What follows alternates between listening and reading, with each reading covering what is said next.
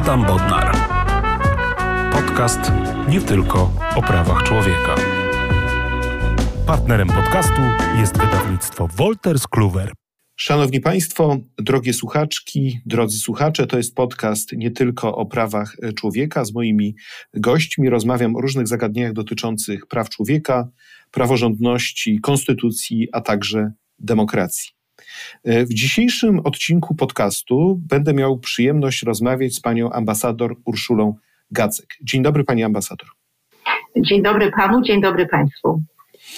Pani ambasador Gacek jest e, osobą, która e, pełniła różne funkcje w korpusie dyplomatycznym. Była konsulem generalnym Rzeczypospolitej w Nowym Jorku, e, pełniła funkcję stałego przedstawiciela Rzeczypospolitej przy Radzie Europy w Strasburgu, ale wcześniej, zanim trafiła do służby dyplomatycznej, była polityczką, była senatorką, senatorem szóstej kadencji, a także euro E, parlamentarzystką. Natomiast od e, kilku lat e, zajmuje się rzeczą, która jest bardzo istotna z punktu widzenia kształtowania standardów demokracji, a mianowicie uczestniczy w misjach obserwacyjnych monitorujących wybory odbywające się w różnych państwach i jest, można powiedzieć, stałą delegatką e, e, Organizacji Bezpieczeństwa i Współpracy w Europie w kontekście właśnie tych e, misji wyborczych. Czy dobrze scharakteryzowałem to, czym pani ambasador się obecnie zajmuje? Tak, dokładnie pan dobrze podsumował. Z jednym, z jednym małym zastrzeżeniem. Pan wspomniał, że ja monitoruję wybory to jest bardzo często, e, często mylone z obserwacją. I będziemy rozmawiali dzisiaj, na czym polega obserwacja, ale to nie jest monitorowanie, bo monitorowanie sugeruje, że e, stanowimy jakiś nadzór, decydujemy o ważności wyborach, wyborów. Tego nie robimy jako obserwatorzy. Mamy bardzo ściśle określony kodeks postępowania, który nie pozwala na jakąkolwiek ingerencję, ani nawet zwracania uwag, kiedy w trakcie obserwacji widzimy coś, co może nie do końca jest prawidłowo. Na to przychodzi odpowiedni czas, ale myślę, że będziemy mieli dzisiaj e, sporo możliwości dyskutować również o technicznych aspektach obserwacji, no i o niektórych ciekawych misjach, które w ostatnich latach miałam przyjemność e, przewodniczyć dla OBWE. No właśnie, umówiłem się na rozmowę po to, aby porozmawiać nie tylko y, o tych właśnie misjach obserwacyjnych OBWE, które już wcześniej się odbywały i które dotyczyły Polski, ale także, żeby oczywiście zastanowić się nad tym, jak taka misja obserwacyjna może wyglądać w kontekście zbliżających się wyborów e, parlamentarnych e, w październiku 2023 roku. No i także chciałbym porozmawiać o tych doświadczeniach e, wcześniejszych, wynikających z Pani uczestnictwa właśnie w tych misjach obserwacyjnych. Jeżeli Pani miałaby dla, powiedziałbym, przeciętnego obywatela, studenta, ucznia liceum, który uczestniczy w klasach z wiedzą o społeczeństwie, scharakteryzować, czym jest misja obserwacyjna, to co by pani powiedziała? Już powiedziałam, czym nie jest misja obserwacyjna. Czasami jest łatwiej powiedzieć, czym nie jest. Nie jest to na pewno, jak wspominałam już, monitorowanie i jest to o wiele szerszy, głębszy proces niż obserwowanie to, co się dzieje w dniu wyborów, nad urną, wokół urny i podczas liczenia głosów.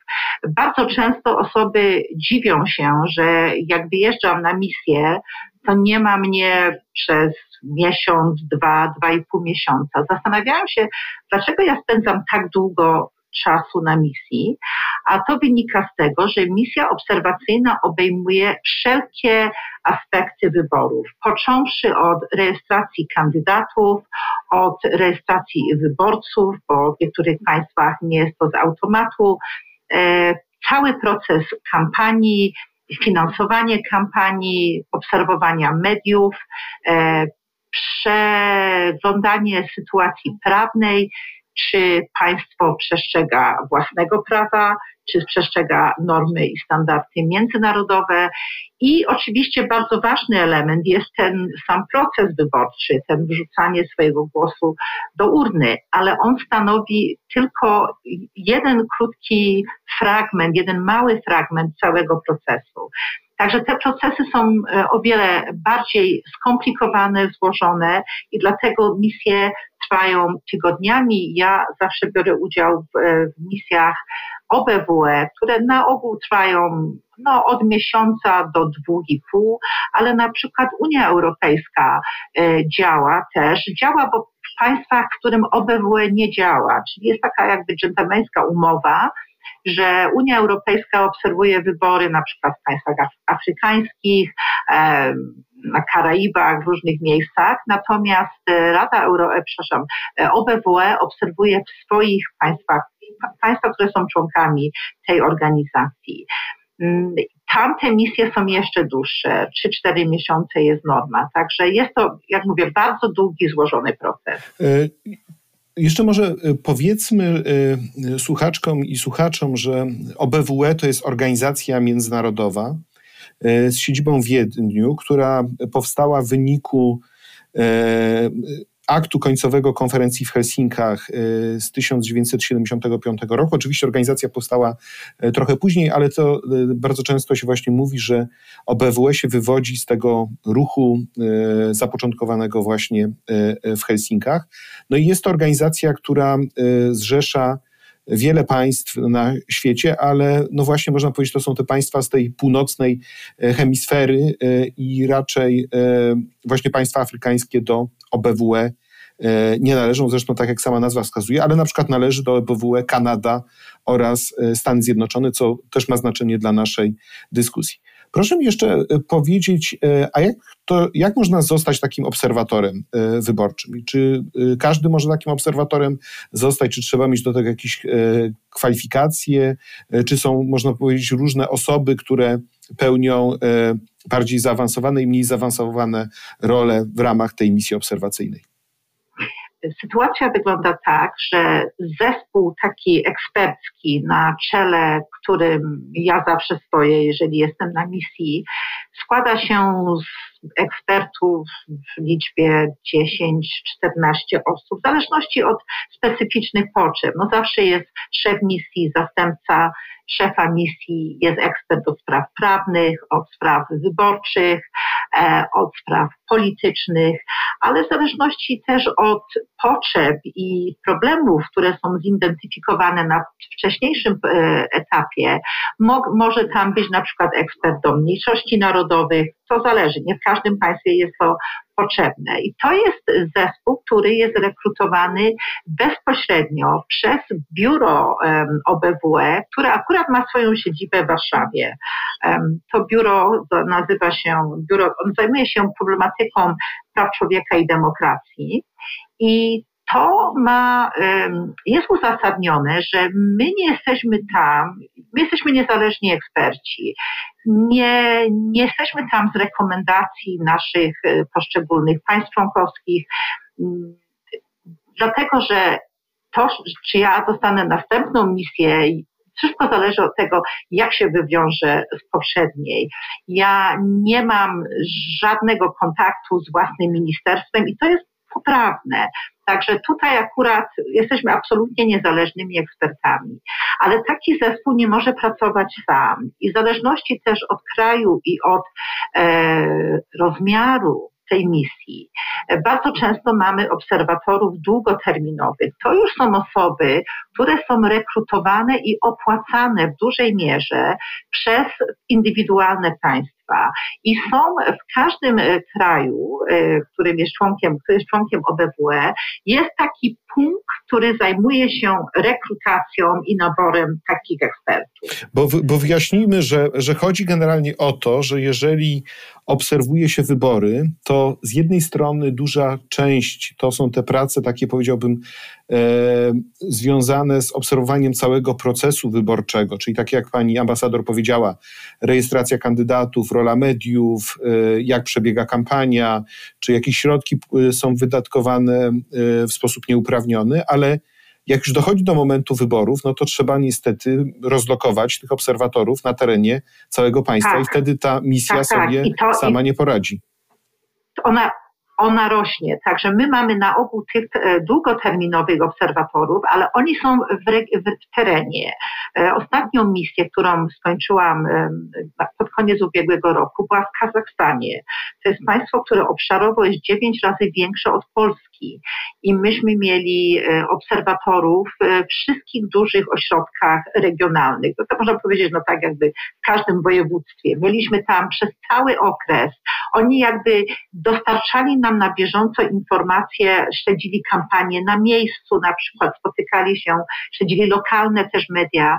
Natomiast jak pan słusznie zauważył, jak już przychodzi do samego dnia wyboru, to dołączają do nas też rekrutowani przez te punkty obserwatorzy krótkoterminowi. Oni przyjeżdżają tam na 4-5 dni, są e, przygotowani przez nas, my robimy różne briefingi dla nich.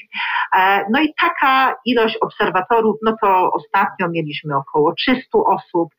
Jak się popatrzy na całą taką misję, do nas też dołączają parlamentarzyści, o którym też będziemy może mieli okazję porozmawiać. Dołączają do nas parlamentarzyści z delegacji z Parlamentu Europejskiego, Zgromadzenia Parlamentarnego OBWE, Zgromadzenia Parlamentarnego Rady Europy e, i oni też jakby są pod naszymi skrzydłami w tej obserwacji już konkretnego tego procesu przy urnach i liczenia głosów.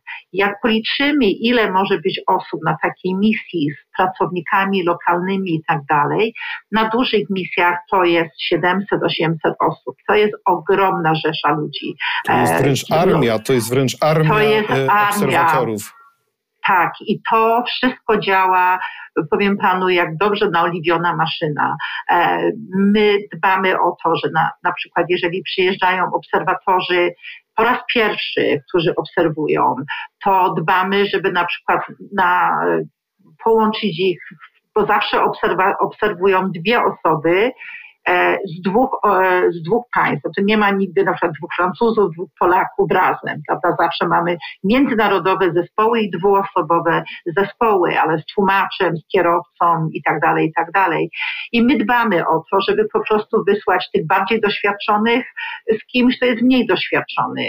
Także po prostu budujemy taką ogromną bazę e, w kontakcie z naszymi organizacjami, które jakby pomagają w tej rekrutacji i Polska, trzeba powiedzieć, jest bardzo aktywna w wysyłaniu obserwatorów długoterminowych i krótkoterminowych. Miałam naprawdę przyjemność pracować z bardzo, bardzo rzetelnie przygotowanymi i bardzo entuzjastycznymi obserwatorami w Polsce, prawie na każdej misji, na której byłam. E, prawdopodobnie jest to też związane z tym, że właśnie to, tak jak pani ambasador powiedziała, Biuro Instytucji Demokratycznych i Praw Człowieka jest zlokalizowane w Warszawie i pewnie łatwiej było e, nawet może rekrutować i się przyzwyczaić do tego, że, e, że właśnie z Warszawy tutaj wyruszają te, e, te misje.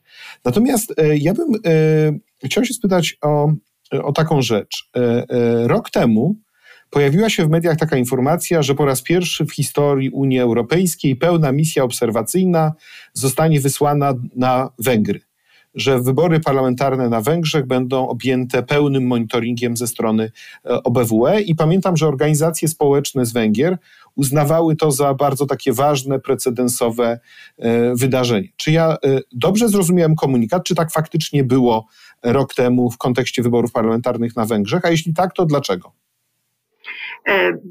Z tego co wiem, to już jest dobrze ponad 300 misji e, obserwacyjnych. Także nie wiem, czy to jest pierwszy przypadek w historii, ale pierwszy, o którym ja też słyszałam. I tutaj Pan poruszał bardzo ciekawy wątek. Pełna misja obserwacyjna, prawda? Dlaczego pełna misja obserwacyjna? No, taka misja, o której przed chwilą rozmawialiśmy, gdzie jest e, zespół ekspercki, obserwatorzy długoterminowi, obserwatorzy krótkoterminowi. Można nazwać to pełną misją. I najczęściej ja w takich misjach uczestniczyłam na przykład e, w Kazachstanie czy w, czy w Armenii. Także to jakby jest zrozumiałe, bo to mówimy o państwach, gdzie jeszcze no, demokracja powiedzmy raczkuje w niektórych przypadkach. Natomiast prowadziłam też misję w ubiegłym roku we Francji, gdzie nasz zespół w całości E, międzynarodowy liczył 10 osób, plus, e, plus e, eksperci i asystenci Francuzi. Czyli nas było 20 parę osób. No to trochę się różni, prawda? No bo byście się we Francji generalnie nudzili, tak? No bo rozumiem, że o to chodzi, um, tak? Że we Francji tam już procedury są na tyle zaawansowane i sprawdzone od lat, że nie ma e, większych zastrzeżeń dotyczących tego, jak te wybory będą przebiegały. Tak, trzeba racjonalnie też rozkładać przecież środki Przecież to są bardzo kosztowne misje. Jeżeli pan sobie wyobraża setki ludzi, których trzeba transportować, e, szkolić, e, wypłacać jakieś honoraria, no to naprawdę to są bardzo duże, bardzo duże pieniądze. Ale przed każdą misją, raczej każde państwo zobligowało się do przyjmowania misji obserwacyjnych. I przed każdą misją to biuro warszawskie, tutaj to nie jest już rola osób takich jak ja, którzy są tylko na kontrakcie, na poszczególne misje zatrudnione, tylko jest stały zespół osób, które zajmuje się poszczególnymi krajami, jest dyrekcja i oni przed każdymi wyborami jak tylko to czas pozwoli, bo czasami mamy takie, że nagle są wybory, prawda, bo się gdzieś rząd padnie i, i trzeba bardzo szybko te wybory po prostu organizować. Jest taka misja która ocenia, co będzie potrzebne i jaka misja będzie wysłana. Może być tak, że, że stwierdzą, że w ogóle nie ma potrzeby wysłać kogokolwiek. Może być taka mała misja jak do, do Francji. E, mogą być takie misje, jak były w Polsce ostatnio. Czyli to są takie trochę ograniczone misje bez tego komponentu tych krótkoterminowych obserwatorów. Czyli jest zespół ekspercki i ci obserwatorzy jakby w terenie. No i Węgry. No to dlaczego w takim razie na Węgry wysłano e, tak wielką misję, pełną misję obserwacyjną, czyli jak rozumiem, ja to... E, ja nie byłam członkiem akurat tej misji, ale znam osoby, które były członkami trudnej, to była bardzo trudna misja. No widocznie e, zespół ekspercki w Warszawie stwierdził, że jest na tyle niepokojujących zjawisk, że trzeba jednak e, bardzo dokładnie prześledzić cały ten proces. No i tak w kwietniu ubiegłego roku e, były tam zarówno wybory parlamentarne, jak i referendum.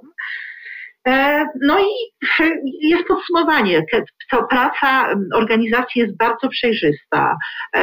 Jeżeli Państwo wejdziecie na strony e, internetowe, każdy raport, każde sprawozdanie, tam wszystko jest dostępne, informacje, kto był obserwatorem, naprawdę i to lata wstecz. Także można sobie wejść spokojnie, przeczytać raport węgierski, można przeczytać polskie raporty, można przeczytać francuskie i każdy na któryś tego ma ochotę. No ale Pani ambasador odpowiada jak prawdziwa dyplomatka, to może ja dodam, e, ponieważ mogę się powołać w tej sytuacji na opinie różnych e, organizacji społecznych, e, chociażby takich jak Węgierski Komitet Helsiński na czele z Martą Pardawi, czy, czy czy Węgierska Unia Swobód Obywatelskich, e, kolejna organizacja e, społeczna zaangażowana e, w działania na rzecz praw człowieka, że po prostu istniało potężne zagrożenie dotyczące uczciwości wyborów. I to zagrożenie było sygnalizowane na forum międzynarodowym. Zresztą Węgry nie bez przyczyny są przedmiotem stałej obserwacji ze strony Unii Europejskiej. Toczą się liczne postępowania i to wszystko spowodowało, że jak rozumiem, OBWE się zdecydowało na wysłanie tej e, misji, e, pełnej misji obserwacyjnej. Natomiast e, Pani ambasador była szefową misji obserwacyjnej w kontekście tych słynnych, można powiedzieć, przełomowych wyborów prezydenckich w Stanach Zjednoczonych w 2020 roku, kiedy to wybory wygrał Joe Biden i pokonał Donalda Trumpa. Jakie mhm. było Pani największe takie doświadczenie, wspomnienie związane z misją w Stanach Zjednoczonych? To chyba była najtrudniejsza misja, którą kiedykolwiek wykonałam ich i nie wyobrażam sobie trudniejszej i również koledzy, którzy lata są związani z e, OBWE, mówili, że to była jedna z takich naprawdę no, milowych kroków. Była bardzo trudna misja. Po pierwsze, mm, w ogóle czasami jest zdziwienie, dlaczego my jesteśmy w ogóle w Stanach Zjednoczonych. Nie zawsze były misje obserwacyjne do Stanów Zjednoczonych, ale od czasu tych słynnych wyborów, kiedy nie mogli się doliczyć głosów na Florydzie, pan pamięta? Czyli tych, co pokazy, co liczyli te karty Licz, takie tak, tak, i, i patrzyli. Wiszące jakieś tam papierki. Od tego czasu e, regularnie są misje. One nie są e, ja też miałam sytuację, że to jeszcze była misja covidowa, także proszę pamiętać, że to jeszcze była misja w covidzie, także to dodało dodatkowych problemów i logistycznych, i również dla nas jako dla obserwatorów. Ale mm, co było ciekawe, bo ja tutaj po prostu sobie pozwoliłam odświeżyć, mm, żeby zawsze jest bardzo ważne, żeby też e, nie opowiadać rzeczy, które, jakie jest moje wrażenie, prawda, jakie, jakie ja mam odczucia, bo to jest praca zespołu. I jako zespół my przedstawiamy raporty, przedstawiamy jakieś pewne konkluzje. Dlatego wolę wrócić, czy to w przypadku Stanów, gdzie byłam, czy, czy węgierskich wyborów, gdzie nie byłam, i Polski, gdzie nie byłam i nie mogę być, bo nie można oczywiście być obserwatorem własnym kraju, warto wrócić jakby do źródłowych dokumentów. I co jest ciekawe, znaczy e, te wybory wbrew tego, co, co można było słuchać w niektórych mediach amerykańskich i od niektórych kandydatów, były konkurencyjnie, konkurencyjne i dobrze przeprowadzone. Oczywiście były pewne problemy logistyczne związane z COVID-em, natomiast, co jest ciekawe, w tym pierwszym akapicie, którym podsumujemy te wybory, od razu poruszaliśmy agresywną retorykę kampanijną, która podsycała napięcia. E, Poruszaliśmy też problem, który od lat istnieje w Stanach Zjednoczonych. E, wspomniałam na samym początku naszej rozmowy, że obserwujemy proces rejestracji wyborców. To nie jest coś, z czym się mierzymy w Polsce w dużej mierze, bo jakby z automatu, z miejsca zameldowania znajdujemy się na listach wyborczych. Oczywiście czasami trzeba jakieś korekty robić albo głosujemy poza miejscem zamieszkania. Natomiast w Stanach Zjednoczonych jest proces rejestracji, no i oczywiście identyfikacji, no jak, jak y, udowodnić w lokalu wyborczym, że ja jestem mną, a pan jest panem, prawda?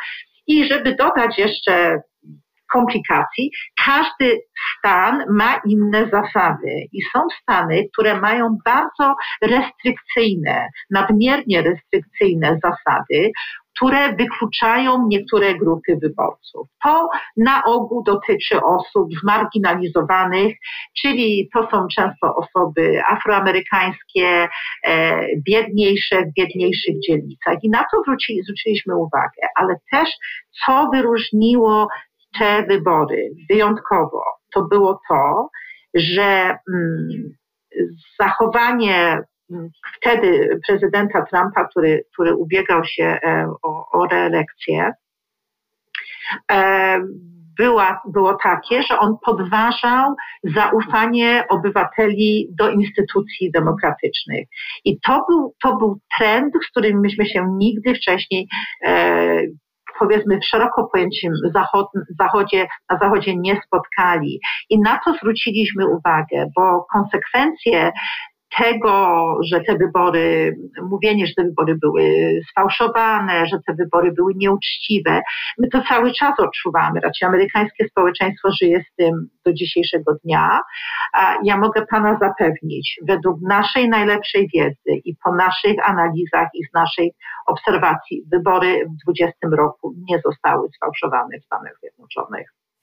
No właśnie, i teraz dochodzimy do bardzo takiej ważnej kwestii, ponieważ w kontekście tych zbliżających się wyborów parlamentarnych w Polsce pojawia się czasami taka teza, że no, istnieje ryzyko, że wybory te będą e, e, sfałszowane. I szczerze, jak ja jestem o to pytany, to mówię, wiecie, mogą być jakieś różne pojedyncze sytuacje, jakichś różnych nadużyć. Tak, nie jesteśmy w stanie wykluczyć, że w jakimś domu pomocy społecznej czy w jakimś innym lokalu wyborczym dojdzie do jakichś e, nieprawidłowości. Natomiast ponieważ nasze wybory są głęboko zdecentralizowane.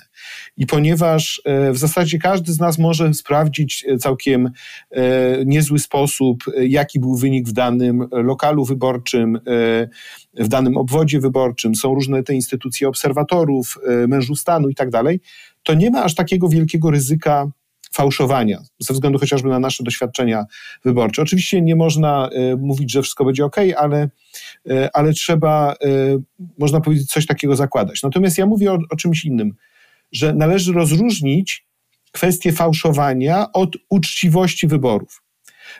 Czyli tego, i, i, I, czy mogłaby Pani spróbować scharakteryzować, czym się właśnie różni to pojęcie fałszowania od pojęcia uczciwości, czy jako OBWE także patrzycie na kwestie związane z uczciwością wyborów?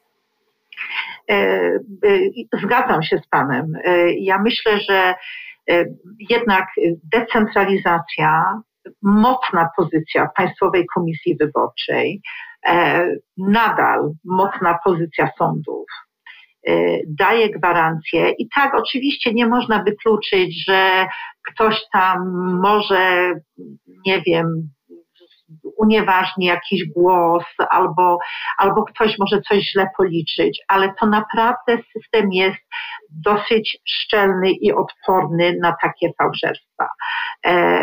I to są sytuacje, które widzimy czasami e, w krajach na wschód od nas, gdzie no taki absolutnie zapisało mi się w pamięci na, na wyborach. Ja nie byłam świadkiem tego osobiście, ale kolega, to jeszcze dawne czasy, jeszcze byłam obserwatorem krótkoterminowym dla e, w ramach Zgromadzenia Parlamentarnego Rady Europy, gdzie byłam jako senator RP delegatem w tej, w tej e, Zgromadzeniu Parlamentarnym i była sytuacja, że jak przyszło do liczenia głosów, to z urny wypadły głosy pakowane po 100, e, owinięte gumką recepturką. I jak kolega powiedział, ale panowie, oczywiście wszystkie wypełnione na jednego kandydata, no ale panowie, jak to? No łatwiej liczyć. Po prostu 100, 200, 300, prawda? Całe pakiety były. I nawet tak e, odpowiedzieli, że tak trzeba liczyć, tak? Tak, tak, nie, nie, bo to się w ogóle nie było żenady żadnej nawet. Nie, takiej, tam później musieli powtórzyć akurat w niektórych e, obszar, e, okręgach te wybory. I mamy czasami sytuacje takich, no ja, ja też moją pierwszą misję wykonałam w Turkmenistanie. No to to jest państwo, które po północnej Korei jest drugie w rankingu najbardziej represyjnych i najmniej demokratycznych. No to były dosyć surrealistyczne wybory daleko od im naprawdę od jakichkolwiek demokratycznych standardów. Także tam widziałam takie po prostu fałszerstwa przy, przy liczeniu, absolutnie protokoły były przygotowane wcześniej i przewodnicząca komisji po prostu przepisywała tylko to, co miała przepisać, w ogóle nie liczyli głosów. Ale to mówimy o takich ekstremalnych sytuacjach, ale my mówimy o nieuczciwości i o takiej nieuczciwości już sygnalizowało OBWE w swoich raportach poprzednich. Jak po prostu sięgnę do raportu na przykład który dotyczy wyborów prezydenckich e, z 2000, e, to był czerwiec 2000, też prawda, przesunięty trochę przez COVID te wybory. Oczywiście też covidowe wybory, ale na co tutaj zwrócono uwagę? Zwrócono uwagę, że nadawca publiczny nie zapewnił zrównoważonego i bezstronnych relacji, a raczej był narzędziem kampanii prezydenta ubiegającego się o reelekcję. To wprost jest z raportu w języku polskim. Również. E, Czyli chodzi o to, że TVP e, tworzyło tak naprawdę całą propagandę na rzecz e, tak. prezydenta Andrzeja e, Dudy i, i nawet chyba niespecjalnie TVP ukrywało to, że tak jest. Ja pamiętam taką jedną scenę z wyborów prezydenckich, gdzie w wiadomościach TVP puszczono cały klip na cześć prezydenta, który wyglądał moim zdaniem jak taka propagandówka właśnie z y, Korei Północnej. To znaczy pan prezydent jedzie samochodem, obok y, y, pierwsza dama, gra muzyka, tam ptaszki śpiewają, prawda, wszystko jest w takim zwolnionym tempie. No to były też te metody, które były wykorzystywane wtedy przez TVP, aby tworzyć jednolity obraz na rzecz kandydata właśnie związanego z opcją rządzącą. Zanim jeszcze wrócę do polskiej, e, do polskiej oceny polskich wyborów prezydenckich, to też e, monitorowanie mediów jest coś, ciekawego, bo czasami niektórzy myślą, że to chodzi tylko o czas antenowy. Jak my monitorujemy media, to nie tylko czas jest istotny, ale ton, bo można mieć 10 godzin e, porówno, tylko o jednym kandydacie będą same superlatywy i wszystko pozytywne, a o innym kandydacie no, będą same obelgi i tylko e, negatywne e, rzeczy przedstawiane. Także ważny jest też ton i czy jest jakieś takie po prostu zbilansowane, jak wygląda ta debata w telewizji, czy wszystkie głosy są dopuszczane, czy wszystkie strony mają równie możli równe możliwości przedstawiania swojego punktu widzenia. Ale wracając jeszcze do Polski, też była drugi aspekt, który był poruszany jako e, budzący pewne obawy i też jakby nawiązując do tego, e, do tego tematu nieuczciwości, to była, to była przejrzystość i nadzór nad finansowaniem kampanii.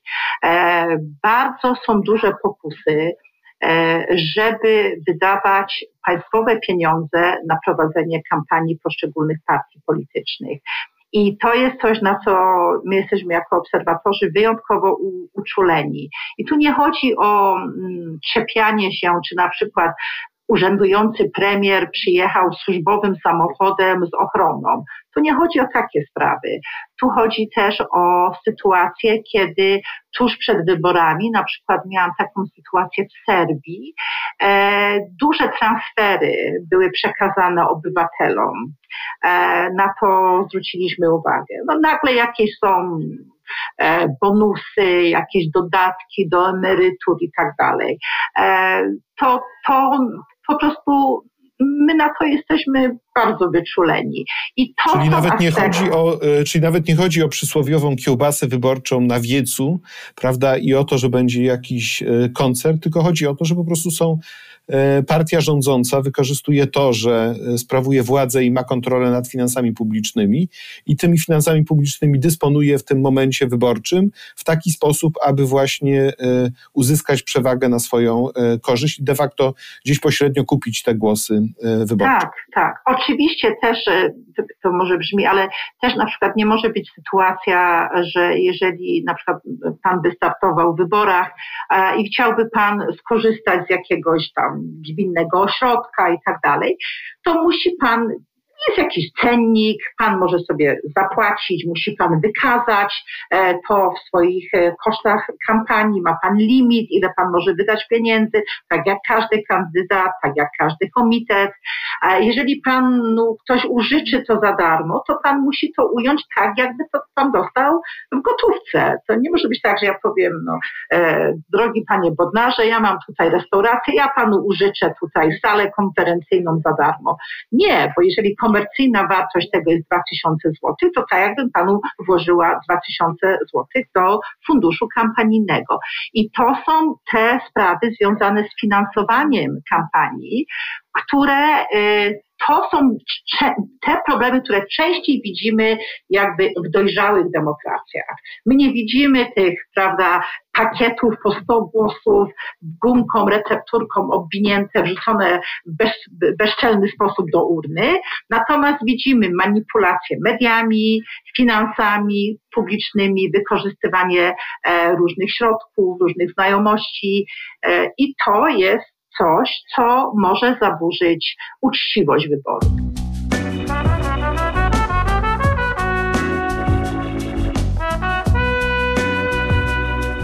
A czy w kontekście wyborów węgierskich e, pojawiały się inne kwestie niż e, chociażby e, temat medialny, bo z mediami jest, powiedziałbym, dość podobnie, z taką różnicą, że chyba tam już niewiele niezależnych ośrodków medialnych pozostało. Czy jakieś inne, inne mechanizmy osiągnięcia tej nieuczciwości mogą występować właśnie oprócz tych kwestii finansowych oraz związanych z kontrolą nad niektórymi ośrodkami medialnymi?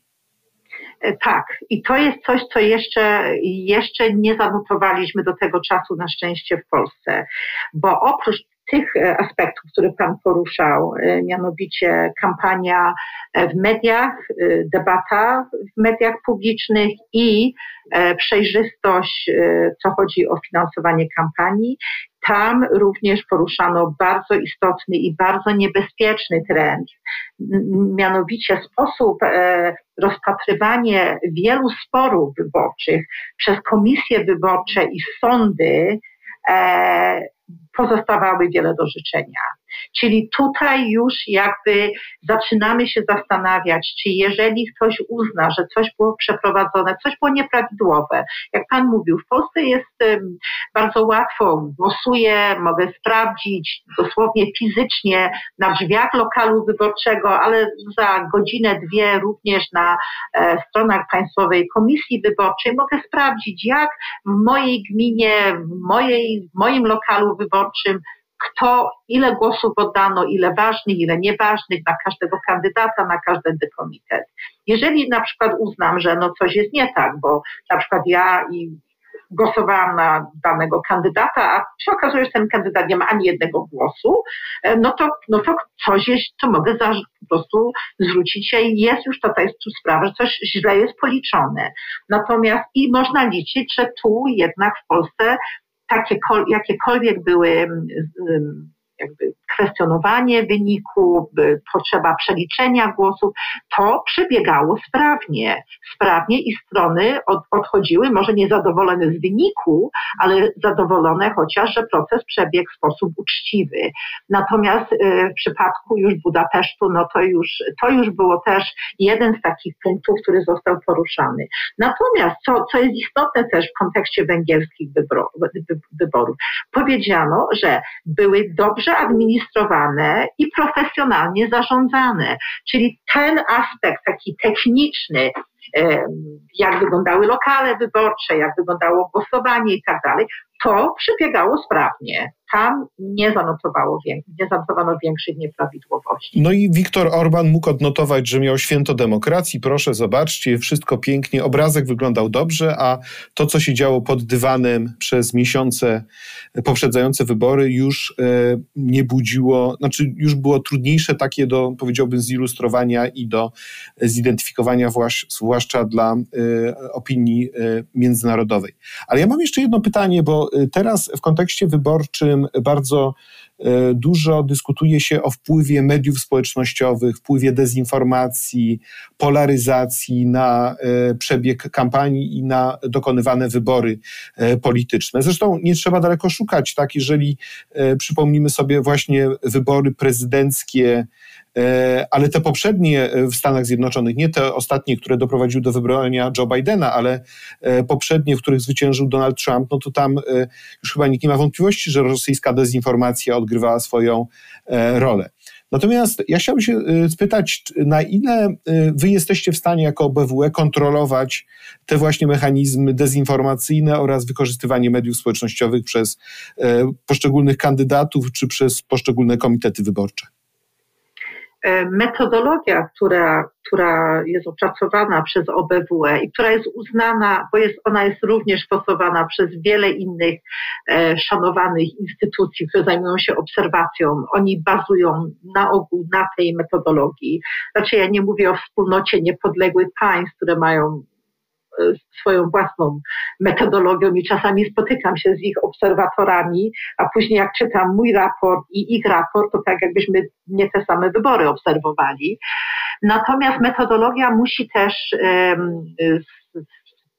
nowe wyzwania powstają, głosowania elektroniczne, internetowe, na przykład w Estonii, korespondencyjne. I co Pan tutaj bardzo poruszał, bardzo ważny temat, mianowicie to, co się dzieje w mediach, tradycyjnych, telewizja, gazety, już coraz mniejszy wpływ gazet, e, e, ale telewizja dalej ważna, no ale szczególnie w niektórych grupach demograficznych, tych młodszych, e, to media społecznościowe. No i tutaj trzeba było wypracować nową metodologię i to nie jest coś, co robimy jakby na zasadzie jesteśmy na misji i wymyślamy, jak sobie z tym poradzić, tylko to jest też praca dla tego biura warszawskiego, które, które przygotowało nowy przewodnik obserwacji mediów społecznościowych i też podczas tych wyborów ostatnich Kazachstanie prezydenckich,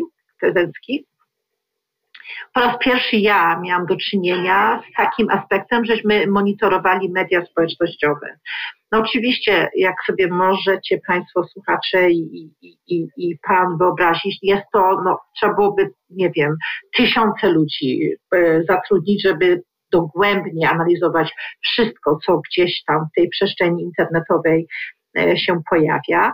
My skupialiśmy się, żeby śledzić strony kandydatów, ale również, żeby śledzić strony różne rządowe, które mogą być używane um, też jakby w nieuczciwy sposób, żeby promować poszczególnych kandydatów. E, Czyli w polskim kontekście mam wrażenie, że trzeba będzie śledzić nie tylko strony rządowe, nie tylko kandydatów, ale także strony spółek Skarbu Państwa. Bo ja już sobie wyobrażam, jak to nagle się okaże, że nie wiem, powiedzmy PKN Orlen ma jakąś niezwykle ważną kampanię zdrowotną sprzedaży jakichś produktów na stacjach benzynowych i jakimś dziwnym trafem będzie się okazywało, że ta cała kampania jest związana z jakimiś aspektami polityki promowanymi przez jakiegoś jednego konkretnego e, kandydata, bądź też gdzieś będzie dofinansowywała jakieś różne inicjatywy, e, spotkania wyborcze, koncerty e, i nagle się okaże, że być może komitet nie wydaje na coś pieniędzy, ale wydaje właśnie jakaś spółka Skarbu Państwa no to będzie zadanie dla zespołu obserwatorów e, już w najbliższych miesiącach. Jak mówię, na szczęście, może e, nigdy się nie jest obserwatorem w własnym kraju i też nie chciałabym wybiegać i zakładać, Rozumiem. co może być, bo zawsze raczej e, konkluzje przychodzą po obserwacji. Można podejrzewać, że niektóre zjawiska potencjalnie będą stanowiły jakieś zagrożenie i dlatego wtedy też się jakby e, zbiera odpowiedni zespół ekspercki, misja odpowiedniego rozmiaru, ale nie chciałabym absolutnie sugerować, że jakiekolwiek decyzje zapadły w sprawie Polski, szczególnie, że ja absolutnie w takich decyzjach nie uczestniczę.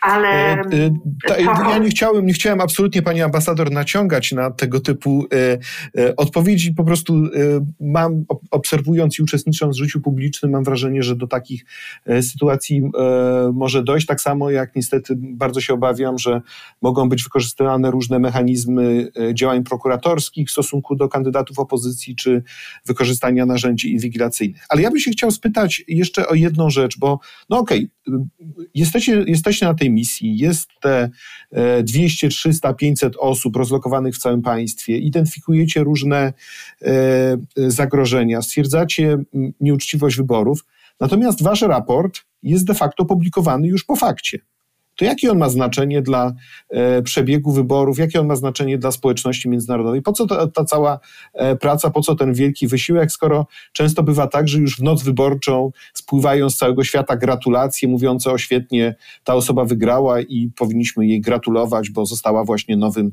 e, prezydentem danego państwa. No to po co wasza robota w takiej sytuacji? No najczęściej zainteresowanie opinii publicznej i mediów kończy się dzień po wyborach, kiedy mamy konferencję prasową. Ale na tej konferencji prasowej przedstawiamy wstępne, wstępne oceny, wstępne konkluzje. E, one oczywiście nie mogą też e, objąć okresu natychmiast, bezpośrednio po wyborach, czyli jeżeli są jakieś protesty wyborcze, jeżeli są jakieś skargi do sądu, dlatego też nie tylko jesteśmy w państwie gdzie obserwujemy przed, ale zostajemy również tydzień czy dwa po. W przypadku Serbii, też gdzie była później w niektórych okręgach powtórzone były wybory przez nieprawidłowości, to zostałam e, z mniejszym zespołem jeszcze dodatkowy tydzień, żeby ten proces obserwować. Ale to nie jest koniec naszej pracy i tak naprawdę najważniejszą rzecz, którą robimy, e, może mniej medialna, może mniej taka zauważona przez opinię publiczną, to jest ostateczny raport, który zawiera cały szereg rekomendacji. I to jest najważniejszy aspekt naszej pracy, dlatego że te rekomendacje przedstawiamy z sugestiami, one, żeby co trzeba, co należałoby naprawić. I też przy każdym kolejnej obserwacji nawiązujemy do poprzednich rekomendacji. I tak na przykład jak popatrzymy na raport Polski z wyborów prezydenckich, e, na przykład jest takie zdanie, że wiele wcześniejszych rekomendacji nie zostało wprowadzonych. Czyli jakby też jest jakby krytyka, zidentyfikowaliśmy pewne problemy. Może to być problem związany z prawem, może to być problem nie wiem, z dostępem do lokali wyborczych dla osób z niepełnosprawnościami. I czasami państwa do tych problemów się w jakiś sposób odniosą i następny raz widzimy poprawę, a czasami po prostu ignorują, dlatego że albo nie mają funduszy, albo nie mają takiej woli. Mm, I my wtedy też jakby odnosimy się, mówili, słuchajcie, myśmy już Wam zwracali na to uwagę i po raz kolejny nam zwracamy, zwracamy Wam na to uwagę i jeszcze przypominamy, że nie zrobiliście to, co żeśmy sugerowali. No dobrze, ale ja będę, ale ja będę teraz sceptykiem, tak? No bo okej, okay, no y, pojawiają się rekomendacje, one są lepiej lub gorzej y, wypełniane y, przez państwa. Natomiast czy taki raport OBWE może spowodować, że na przykład jakieś państwo nie uzna wyniku wyborów w danym państwie, albo e, będzie, nie wiem, podchodził do jakiegoś rządu danego państwa w jakiś sposób taki bardziej e, e, sceptyczny, albo powie, że okej, okay, no nie do końca um, aprobujemy to, co się u was stało, wiemy, że te władze są objęły e, rządy w danym, e, w danym państwie, ale to nie znaczy, że z wami będziemy wchodzili w jakieś deale gospodarcze na takich zasadach, jakbyście byli państwem normalnym, demokratycznym. Czy ten raport OBWE może w taki sposób oddziaływać na społeczność międzynarodową? oddziaływuje, na przykład w przypadku Albanii, gdzie obserwowałam wybory, to y, dalsza współpraca i dalsza integracja Albanii z Unią Europejską była bezpośrednio i otwarcie związana z naszą oceną tych wyborów. E, także absolutnie to, to czasami jest otwarcie. Raczej do rzadkości należy, że się mówi o tym absolutnie otwarcie, ale w przypadku Albanii to będzie już zaraz trzy lata temu, tak, tak to wyglądało. Społeczeństwo, dyplomaci, dyplomaci i bardzo bacznie się przyglądają naszym raportom, śledzą naszą pracę. My podczas naszych misji robimy częste briefingi dla ambasadorów. Ja osobiście też spotykam się z wieloma ambasadorami, e, żeby wysłuchać ich opinie, wysądować różne sprawy. Oni też się dzielą ze mną swoimi spostrzeżeniami. Także te raporty są czytane i jest duży stopień zaufania do tego, co robimy, dlatego że absolutnie jesteśmy apolityczni, a nasze rekomendacje są ugruntowane w standardach i prawie międzynarodowym i są dopiero przedstawiamy je dopiero na podstawie bezpośrednich obserwacji, czyli na przykład może być sytuacja, bardzo często spotykamy oczywiście się z trzecim sektorem, z organizacjami pozarządowymi, no i oni nam przy, przynoszą różne dowody, różne historie o jakichś nieprawidłowości. My oczywiście to z dużym zainteresowaniem czytamy, ale zanim to trafi do naszego raportu, my musimy być absolutnie pewni, że te informacje są wiarygodne i tak naprawdę po to są nasi obserwatorzy w terenie i po to jesteśmy my, żeby takie przypadki wyłapywać e, jakby na własne oczy. Musimy pewne rzeczy zobaczyć. E, czasami jest bardzo trudno w przypadku kupowaniu głosów i tak dalej. Także to nie jest tak, że my bierzemy na słowo e, to, co mówią kandydaci, to, co mówią rządy, to, co mówi trzeci sektor. Naprawdę jest to ugruntowane w naszych bezpośrednich obserwacjach i nas interesuje jako obserwatorów, interesuje nas proces. Jestem jedyną osobą, która dziś jedzie na wybory i naprawdę, może prywatnie czasami mnie interesuje wynik, ale jako szef misji absolutnie mnie nie interesuje, czy wygra partia A, czy wygra partia B.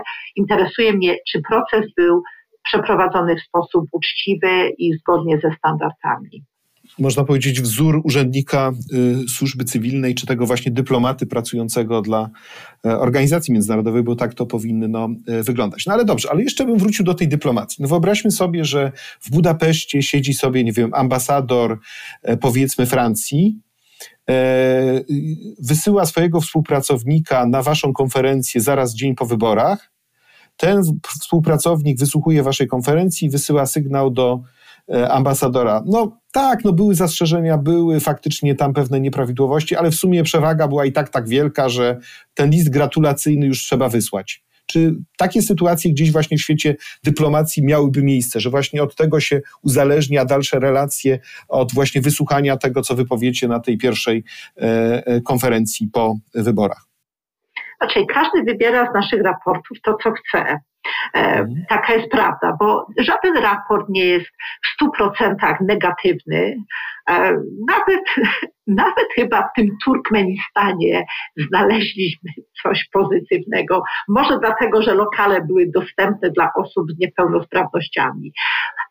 Zawsze... A może to był ten rok, co ten e, prezydent Turkmenistanu te rowery rozdawał? To może to, to było. Nie, to... nie, nie. Chyba wtedy nie, rozda, nie rozdawał rowerów. Bo, to, bo, to jest, bo dobrze pamiętam, że to była ta historia, co on właśnie chciał zorganizować wyścig, w którym miał wygrać i rozdał wszystkim rowery, prawda? Także to, dobrze chyba no, kojarzę. Ale to on tam miał raczej pewny ten, ten, to, to, to wygraną.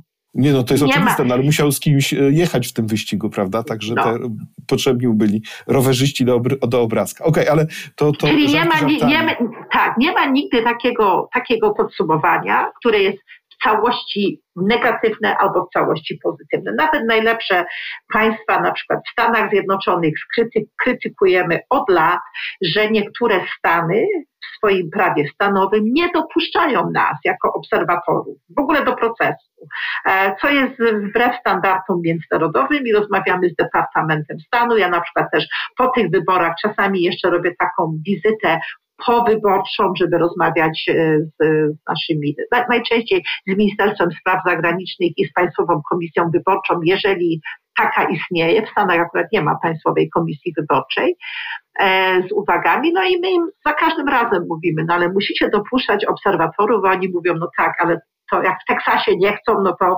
musi pani tam rozmawiać z gubernatorem Teksasu, bo my na to nie możemy w tym naszym federalnym systemie nic zrobić. Ale oczywiście ten raport ma, jak mówię, i pozytywne, i negatywne. No i oczywiście, jeżeli e, dzień po wyborach tam coś skrytykowaliśmy, no to e, opozycja łapie tych wszystkich negatywnych. Partia, która wygrała i może tam były jakieś zastrzeżenia co do uczciwości i przebiegu tych wyborów, łapią tylko te dobre aspekty. No i tak samo wygląda w dyplomacji. E, ja jestem na tyle już doświadczona i w polityce, i w dyplomacji, i realistką.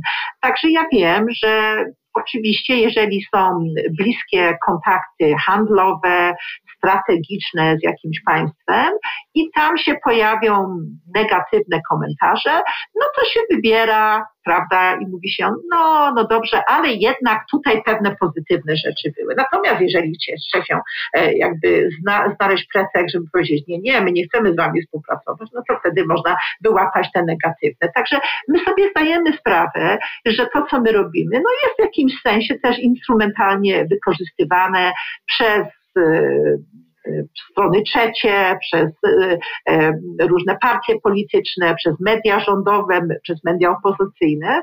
No ale taka jest nasza, taka jest nasza rola. My po prostu przedstawiamy tak, jak jest, a na podstawie tych danych, znaczy wszyscy muszą mieć pewność, że to, co przedstawiliśmy, jest rzetelne i, na, i oparte o fakta. Jak to I wykorzystają i bezstronne. Tak. I przynajmniej jest obiektywny obraz, y, do którego wszyscy się mogą odwoływać do którego wszyscy mogą też wracać y, po latach. Y, I później w debacie publicznej nie posługujemy się jakimiś właśnie fake newsami, że jakieś wybory były sfałszowane, czy, czy też, że doszło do jakichś nieprawidłowości, tylko zawsze możemy powiedzieć, no zobaczcie, proszę, tu jest jednak monitoring, który był przeprowadzony, przepraszam, misja obserwacyjna, która była przeprowadzona przez porządną organizację e, i do tego możemy wrócić i zobaczyć, jak to faktycznie e, wyglądało. Tym bardziej, że pamięć ludzka jest ulotna, a takie raporty właśnie mają wartość, że, że wszystko dokumentują, można to porównywać w kontekście kolejnych wyborów. Ale mm, OBWE jest organizacją powszechnie szanowaną. Kiedy nagrywamy ten podcast, jesteśmy akurat w dniu, kiedy OBWE zostało wymienione w expose e, ministra spraw zagranicznych Zbigniewa Rau, e, także w kontekście e, tym właśnie wyborczym, w kontekście tego, że Polska sprawowała przewodnictwo w OBWE. Natomiast OBWE jednocześnie przeżywa kryzys, no bo państwem członkowskim OBWE jest Rosja. Rosja nie wystąpiła z OBWE, nie została też z OBWE wyrzucona w odróżnieniu od e, Rady Europy, no ale jednak to wpływa na efektywność działania e, organizacji. Czy pani ambasador się obawia, że to może właśnie wpłynąć na e, siłę oddziaływania i jakość tych misji obserwacyjnych? Ten fakt właśnie, że Rosja no, jest problematycznym państwem, tak bym to delikatnie nazwał co jest ciekawe, Rosja nas e, nie dopuściła, nie dopuściła, raczej e, stworzyła taką sytuację, że de facto nie było misji obserwacyjnej podczas ostatnich wyborów e, Federacji Rosyjskiej.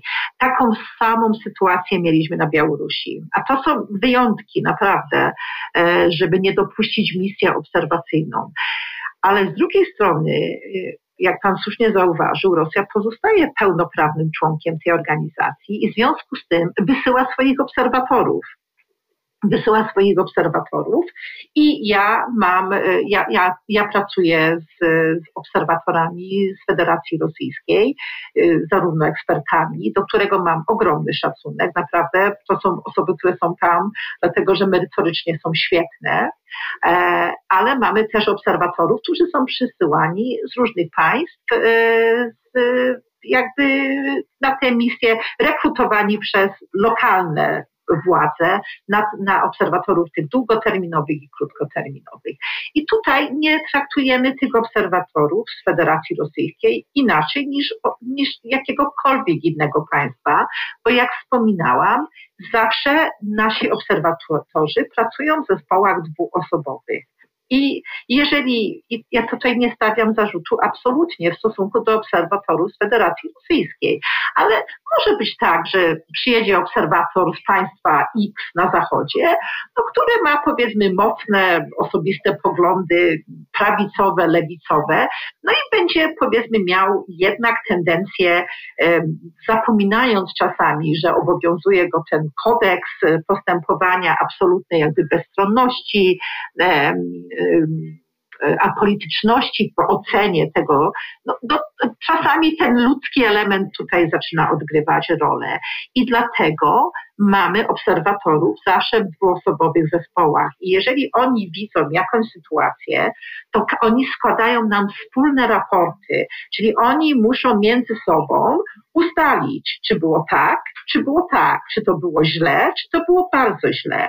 Jeżeli oni mają problem, no to my zawsze mamy też w naszym zespole takich koordynatorów, którzy zajmują się jakby opieką nad tymi obserwatorami i oni wtedy pomagają w mediacji, ale to jest to jest system, który jest zabezpieczony przed jakimikolwiek um, tendencjami, prawda, że ktoś jest stronniczy. I dlatego mówię, póki są członkami, wysyłają obserwatorów, obserwatorzy biorą udział w naszych misjach, e, a system jest tak skonstruowany, że zawsze dwuosobowe, międzynarodowe zespoły. Także jakby ja nie mam obaw, że mam na przykład obserwatorów z Federacji Rosyjskiej na swoich misjach. To, to nie stanowi dla mnie problemu.